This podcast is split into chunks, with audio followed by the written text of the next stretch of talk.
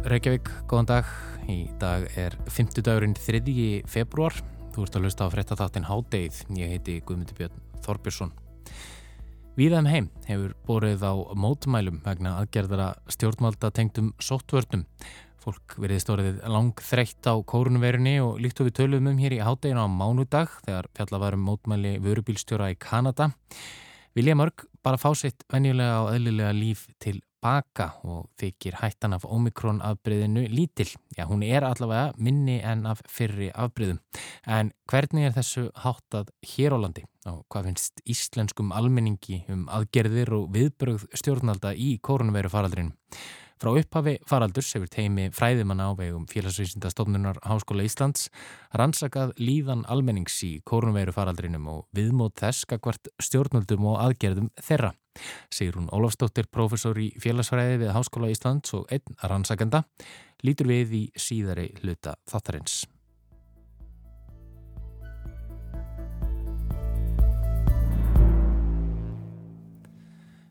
En við byrjum á öðru.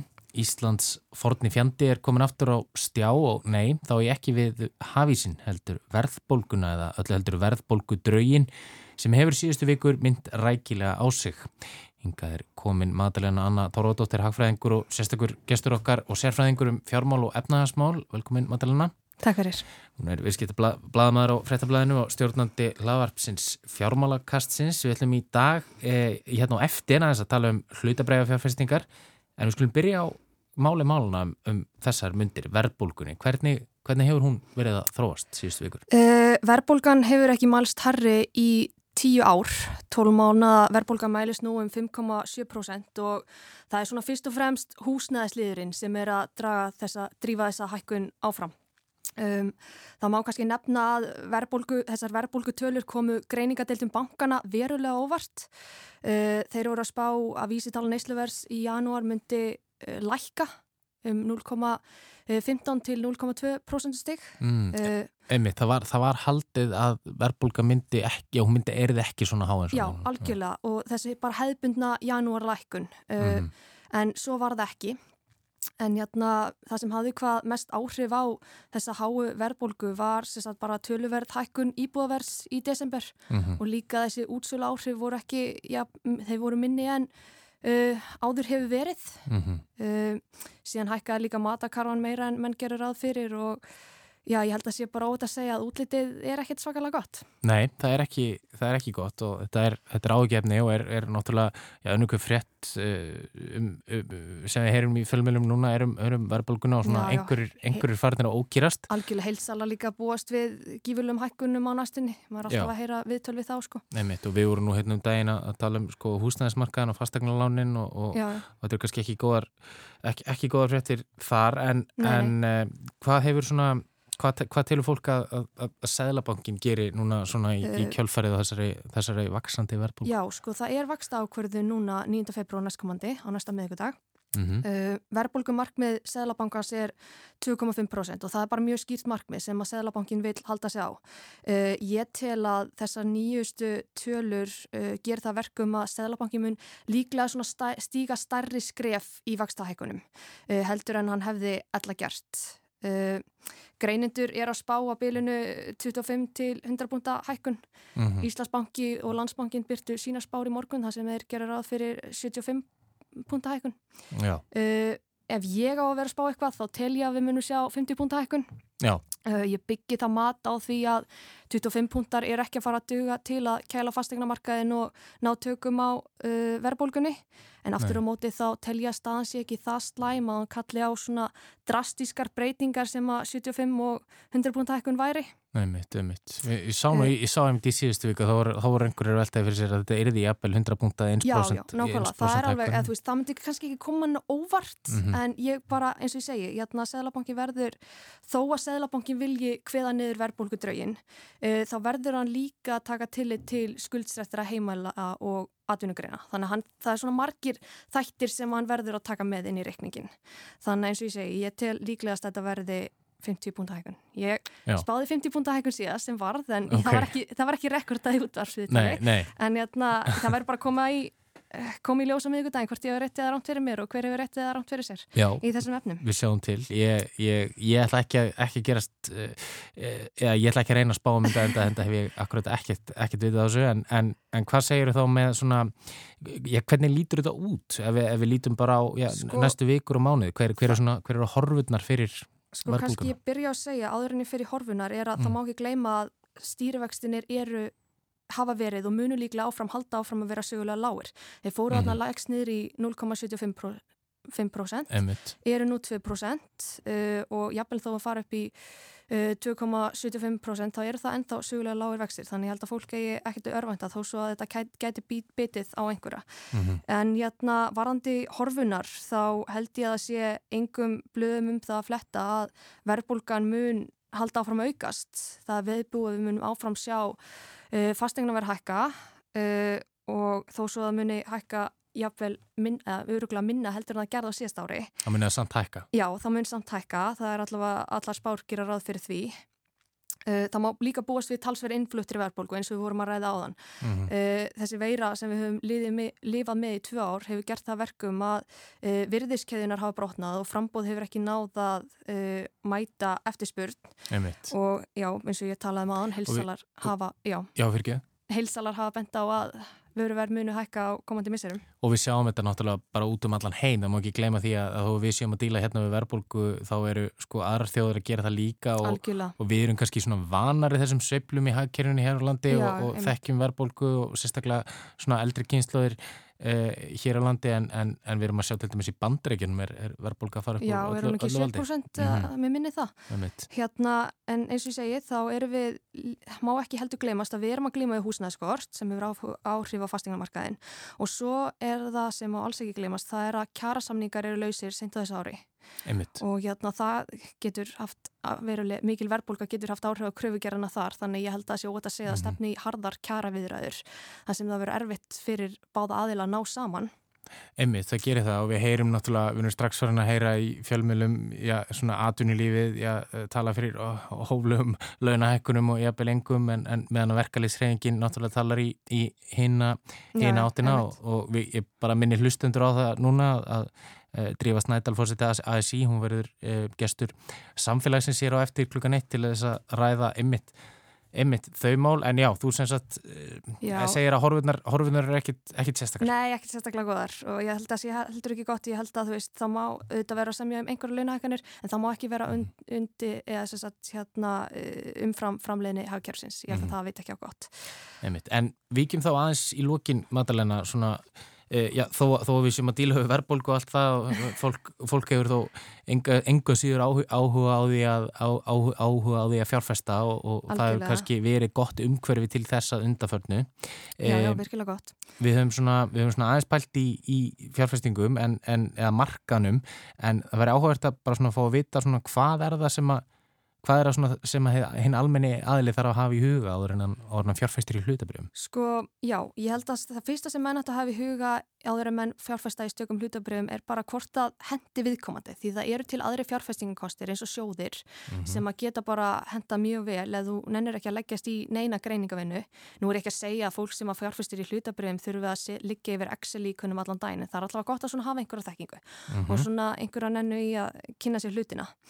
En jætna, já, en þú veist, ég held að það sé bara jákvæmt að áhugi almennings að fjárfæstu í hlutabröðin sé góður, en jáfnvel er mikilvægt að setja ekki öllu ekki inn í sömu kurvina og kynna sér málið. Já, og þá er, þá er kannski verðt að spurja, sko, hva, hvernig, hvernig get ég greint virði hlutabröð? Hvaða svona aðferð ætti að nota, nota til sko, þess? Sko, það eru til, það eru svona tvær aðferði sem eru helstar, en ég ætla kannski að vísi bara mjög góðan fund sem ég var fundastjóra á í gær mm -hmm.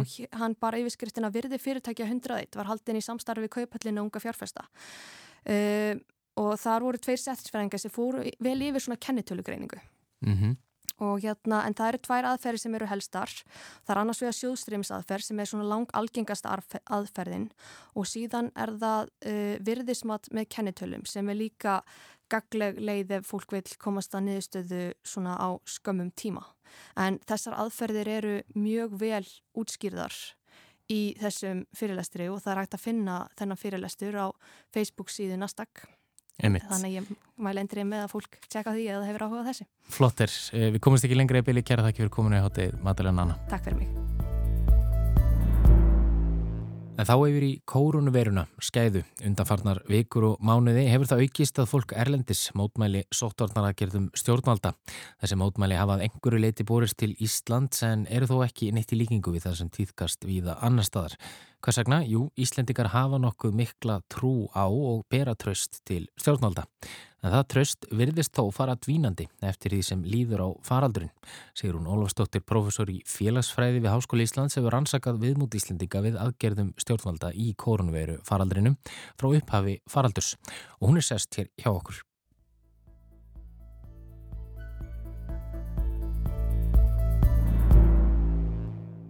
Sigur hún byrjaðu kannski bara eins og segja mér út á hvað þessi rannsók gengur. Já, hún gengur í rauninni bara út á það að meta svona viðhorf og hegðun Íslandinga í COVID-faraldrinum og í rauninni ég held að við höfum vita strax í mars 2020 að við vorum að fara inn í eitthvað tímabil sem væri alveg óskaplega áhugavert félagsfræðilega. Þannig við vorum í rauninni mjög fljót að koma þessari konun á stað og strax bara þannig fyrstu bylgjunni í rauninni hámarki fyrstu bylgjunar þannig mánaðamótin mars-april þá komum við á stað fyrstu mælingunum. Og síðan höfum við svona já allt fram í fymtu bylgjurauninni verið að mæla nánast daglega uh, sem sagt þá já við þóru hversu miklar áhyggjur fólk hefur að fara aldrei um hvort að sé að fylgja fyrirmælum sóttvarta yfir valda, hvort að telja aðri sé að fylgja fyrirmælum uh, hvort er tala aðgerðna myndin á árangri og sem sagt og svo höfum við svona bætt uh, við eftir sem faraldurinn þróast til dæmis við þóru til grímunótkunnar hvort að fólk sé ánætt með bólu efna áallun hjá heilbreyðisráð þeirra þannig að það hefur svona alltaf svona bætt aðeins við eftir því að svona nýjar og nýjar upplýsingar eða aðgerðir eru að koma fram. Þú talar um viðhorf, er þetta, sagt, er þetta fyrst og fremst viðhorf gagvart aðgerðum stjórnvalda eða líka bara svona viðhorf persónlega segli sem varandi, já, bara eins og það er áhyggjur og, og, og þess áttar? Já, þetta er í rauninni svona bæði, þetta snýr ekki bara að stjórnvaldum, þetta náttúrulega er svona svolítið mikið um hvað fólk er að gera og hvað hvað því finnst um það sem það er að gera og það er að sjálfsögðu spila náttúrulega mikið inn í, við erum náttúrulega svo sem öll kannski búin að vera meir og minna að hlýða sóttvarnar yfir völdum og stjórnvöldum núna í næstu í tvö ár, þannig að þetta er það stór hluti af því sem við erum að gera. En eins og segir, þá er þetta líka bara almennar áhyggjur, uh, trú á aðgerðir og svona viðhorf. En hvernig fer, hvernig fer, fer svona rannsókn fram? Þetta sem sagt er í samstarfi félagsvístastofnun og vorum þrjú í rauninni sem að svona kannski fengjum þessa hugmynd mjög fljótt, ég og Jón Gunnar Berburg sem er líka professor í félagsfræð og Magnús Þór Torfason sem er dósend í viðskiptafræði. Þannig að við tölum við Guðbjörgu Andröð sem er forstöðukona félagsvístastofnun og þetta hefur í nánu samstarfi stofnununa. Þannig að þetta er í rauninni könnun sem er gerð á netpanel félagsvístastofnunar og þá sem sagt byrjuðu við að senda út stórt úrtak til að fá svona í byrjun fjöldan en svo hefur bara verið sendt út reglulega alltaf á fleiri og fleiri einstaklinga þannig að þetta eru daglega gögn í rauninni yfir eigilega allt tímabilið. Við höfum svona ég haf alltaf svona verið við það að hætta en það er í rauninu svona þegar við erum við það að hætta kannski eins og við erum öll í hér í þjóðinni að nú hefur ég að þetta er nú svona búið nú er engin ástæður að samna gögnum þá kemur nýbilgja og við náttúrulega þurfum að fara aftur strax á stað. Einmitt, einmitt. Eh, nú hefur stundu verið sagt að, að já, Íslendingar séu svona Já, frekar svona eh, stjórnvalds hlýðið fólk, eh, já, hlýði stjórnvaldum fyrir mælum stjórnvalda og, og, og, og treysti þeim jafnvel eða það treyst sér að fara aukandi til dæmis eftir hrun þegar, þegar að e, treyst á, á stjórnmálum var lítið. Er þetta kannski vittlega segja á mér? Er, er við, eru við kannski frekar þjóð sem að, sem að trúur og treystir vísindunum? Hvað segja, hvað segja þínar niðurstöður?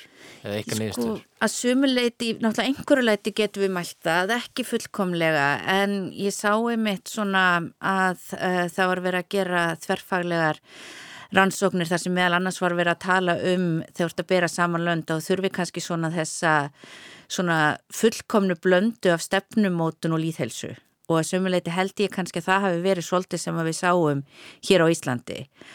Og nákvæmlega eins og segir að þannig að þá náttúrulega verður alveg gríðarleg svona mingun á trösti til stjórnmála, til stopnarna, til samfélagsins svona hvernig það virkar í kjölfar hrunsins hér á Íslandi. En það má náttúrulega ekki gleima því að við höfum náttúrulega verið rosalega há í trösti bara áratúin saman og Norðurlöndin eru það í rauninu öll. Þannig að þú ert með samfélag þar sem að bara í tugi ára þá höfum við bæði treyst stopnunum, við höfum treyst stjórnmálum svona tiltöla vel og við höfum náttúrulega líka treyst hvort öðru sem skiptir máli. Þetta auðvitað kannski fer allt niður í hruninu en það sem kannski COVID-faraldrun hefur einhverju leiti gert er að svona endur byggja svolítið þessa samfélagslegu sátt og ég held að þar hafi skipt bæði máli að sagt hvernig stjórnvöldin og í rauninni þá heilbriðsefuvöld spiluðu saman og að sumuleitu og þetta gerist svona stundum kannski hér á Íslandi hluta til að því hvað við erum fá og í rauninni einslitt þó að náttúrulega fjölbreytileiki hafi aukist mjög mikið undanfartna áratögi en að sumuleiti kannski verður svona strax ákveðin stemming einhvern veginn í þjóðfélaginu. Og þetta mikla tröst til þrýekisins í rauninni skapast rosalega fljótt og þar held ég að hafi að sumuleiti verið mjög mikil gæfa Íslandinga í rauninni hvað stjórnmálinn og stjórnvöld tóku svona í rauninni kannski lítið hlutverk með við þess að við sáum annar staðar. Þannig ég held að það hafi skipt mjög miklu máli. Uh, en, en Emið, þau, þau setja þetta svolítið í hendurnar á, á vísindamannunum uh, og fara og svona íðurlega hafa farið já, næri undartekningalöst eftir þeirra tilmælum uh, þó svo hefum við kannski séð upp á, á síðkastið að að stjórnum séu kannski ekki að fara algjörlega eftir minnisblæði mm -hmm. eða eitthvað svo leiðis eh, en, en, en hvað segja niðurstöðunar eða hvað segja rannsóknin um, um já, svona sín fólks á, á þessar aðgeri stjórnalda er fólk almennt ánætt með þar? Já, það er náttúrulega er það sem við sjáum og þar kannski kemur svolítið undirlikjað þennan punkt sem við vorum með áðan er að við sjáum til dæmis að í rauninni allt tímabilið þá er það til dæmis yfir 80% og kannski kringu 90% sem að til dæmis treysta, eða semst í fjóruð og fymti bylgi þau byrjum að mæla sem að treysta sem sagt ríkislauglustjóra og það er bara svona svipað að við erum að sjá annar staðar.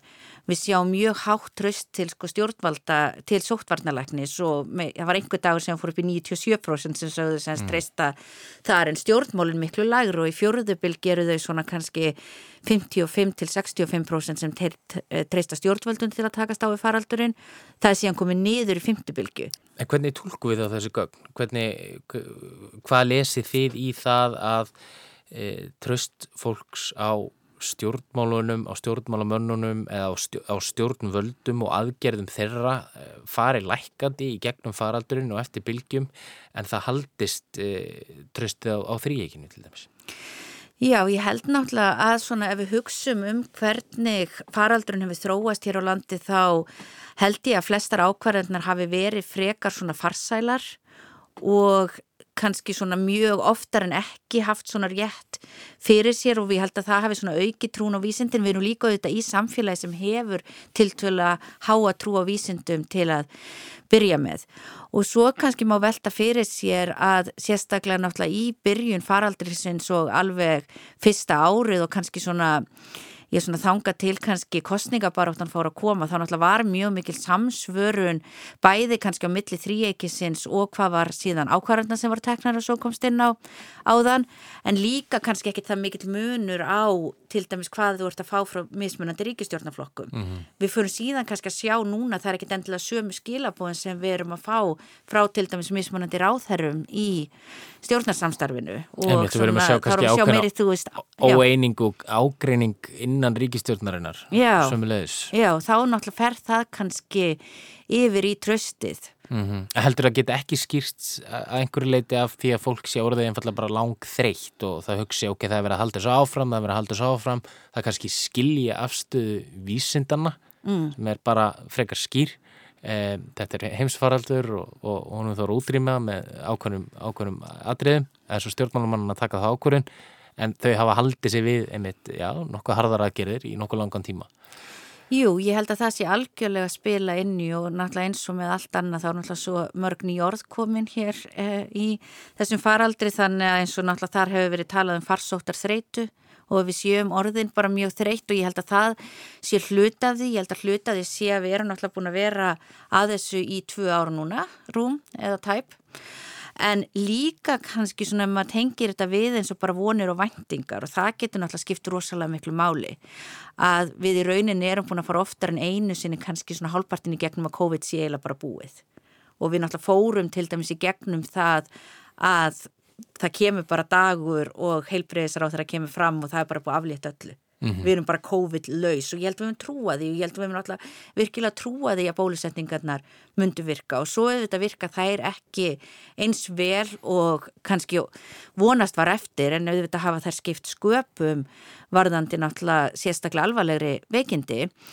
og síðan þú veist kemur delta og svo sér fyrir endan og því og þá er omikron komið. Þannig að þetta er náttúrulega mjög skiljanlegt að þetta er bæði mjög langur tími þar sem við erum í rauninni fjarlagð úr erðililegu lífi og allt varðandi líf okkar breytist.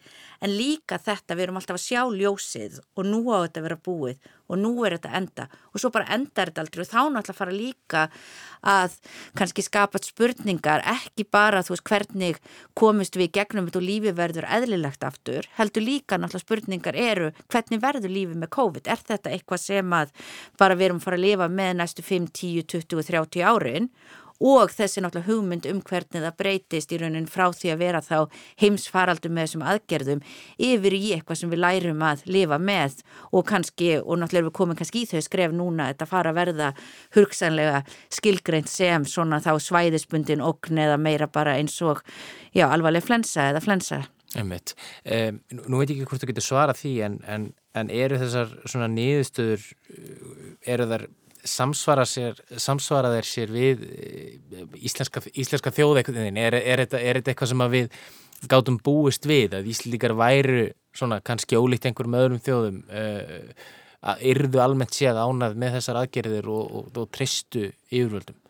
Já, ég held að sjálfur sér hafi það ekkert komið rosalega mikið á óvart og ég held að í sumuleiti sé kannski hægt að hugsa um það sem gerist í kringum hrunið og þar á eftir sem svona frekar heið óvanarlega varðandi Íslanding og það eru náttúrulega mjög mörg atriði sem að spila og skipta máli þar og hluta af því er náttúrulega hvað við erum fá og það er mjög auðvelt til dæmis að sjá, það eru hverki annars þar í veröldunum til dæmis eins auðvelt að sjá uh, árangur af aðgerðum. Því að hér við náttúrulega rosalega mikið að tölulegum upplýsingum og þú gastir raunin verið að fylgjast með við herðum aðgerðir og svo sjáum við öll í sjónvansfréttunum að kurvan er að fara niður. Þannig að þetta er svona miklu hreitni mynd heldur en kannski samfélagi með 100 miljóna eins og mhm. bandaríkin sem dæmi þar sem við sjáum þetta og svo er það auðvitað líka þessi samstað og við sáum hana náttúrulega oft koma fram hjá Íslandingum að svona við getum verið að deila um alls konar hluti í okkar daglega lífi daginn út og inn en svona þegar virkilega áreinir og hvort sem að það getur verið til dæmis eins og náttúruhamfarir eða eitthvað til dæmis eins og íþróttir og þegar okkur gengur vel þá eru við rosalega fljóta að virka svona þessa samkend að við erum öll í þessu saman og við tökumst á við heiminn saman. Þannig að þarna náttúrulega kemur einhver svona veira til okkar og ég held að það sé svolítið í þjóðasálinu að við tökumst á við þetta saman. Bara í lokin segur hún uh, hvar, hvar getur við nálgast þessar, þessar rannsóknir ykkar og séð nýðustuð þeirra gögnin eru á uh, síðu félagsvistastofnunar og svo höfum við unni tvær greinar fyrir vísindavefin þar sem við förum yfir þetta en svo erum við auðvitað að vinna að þessu fyrir uh, byrtingar á greinum sem eru þá í alþjóðlega tímarið þar sem við erum annars vegar að skoða áhyggjurnar og hvernig þær hafa þróast og þá bæði hvernig er í rauninni tengjast í hver viðurum sem einstaklingar en líka svona stærra félagslegu samhengi faraldursins og uh, hinn greinin sem við erum að skoðum er þá sérstaklega beina sjónum að hegðun Íslandinga og bara kannski þessar grundvalla spurningu af hverju voru við svona rosalega reyðbúin til að hlýða. Ég myndi að láta þetta vera loka orðin, kæra þakki fyrir komin í hátið Sigrún Ólastóttir, profesor. Takk.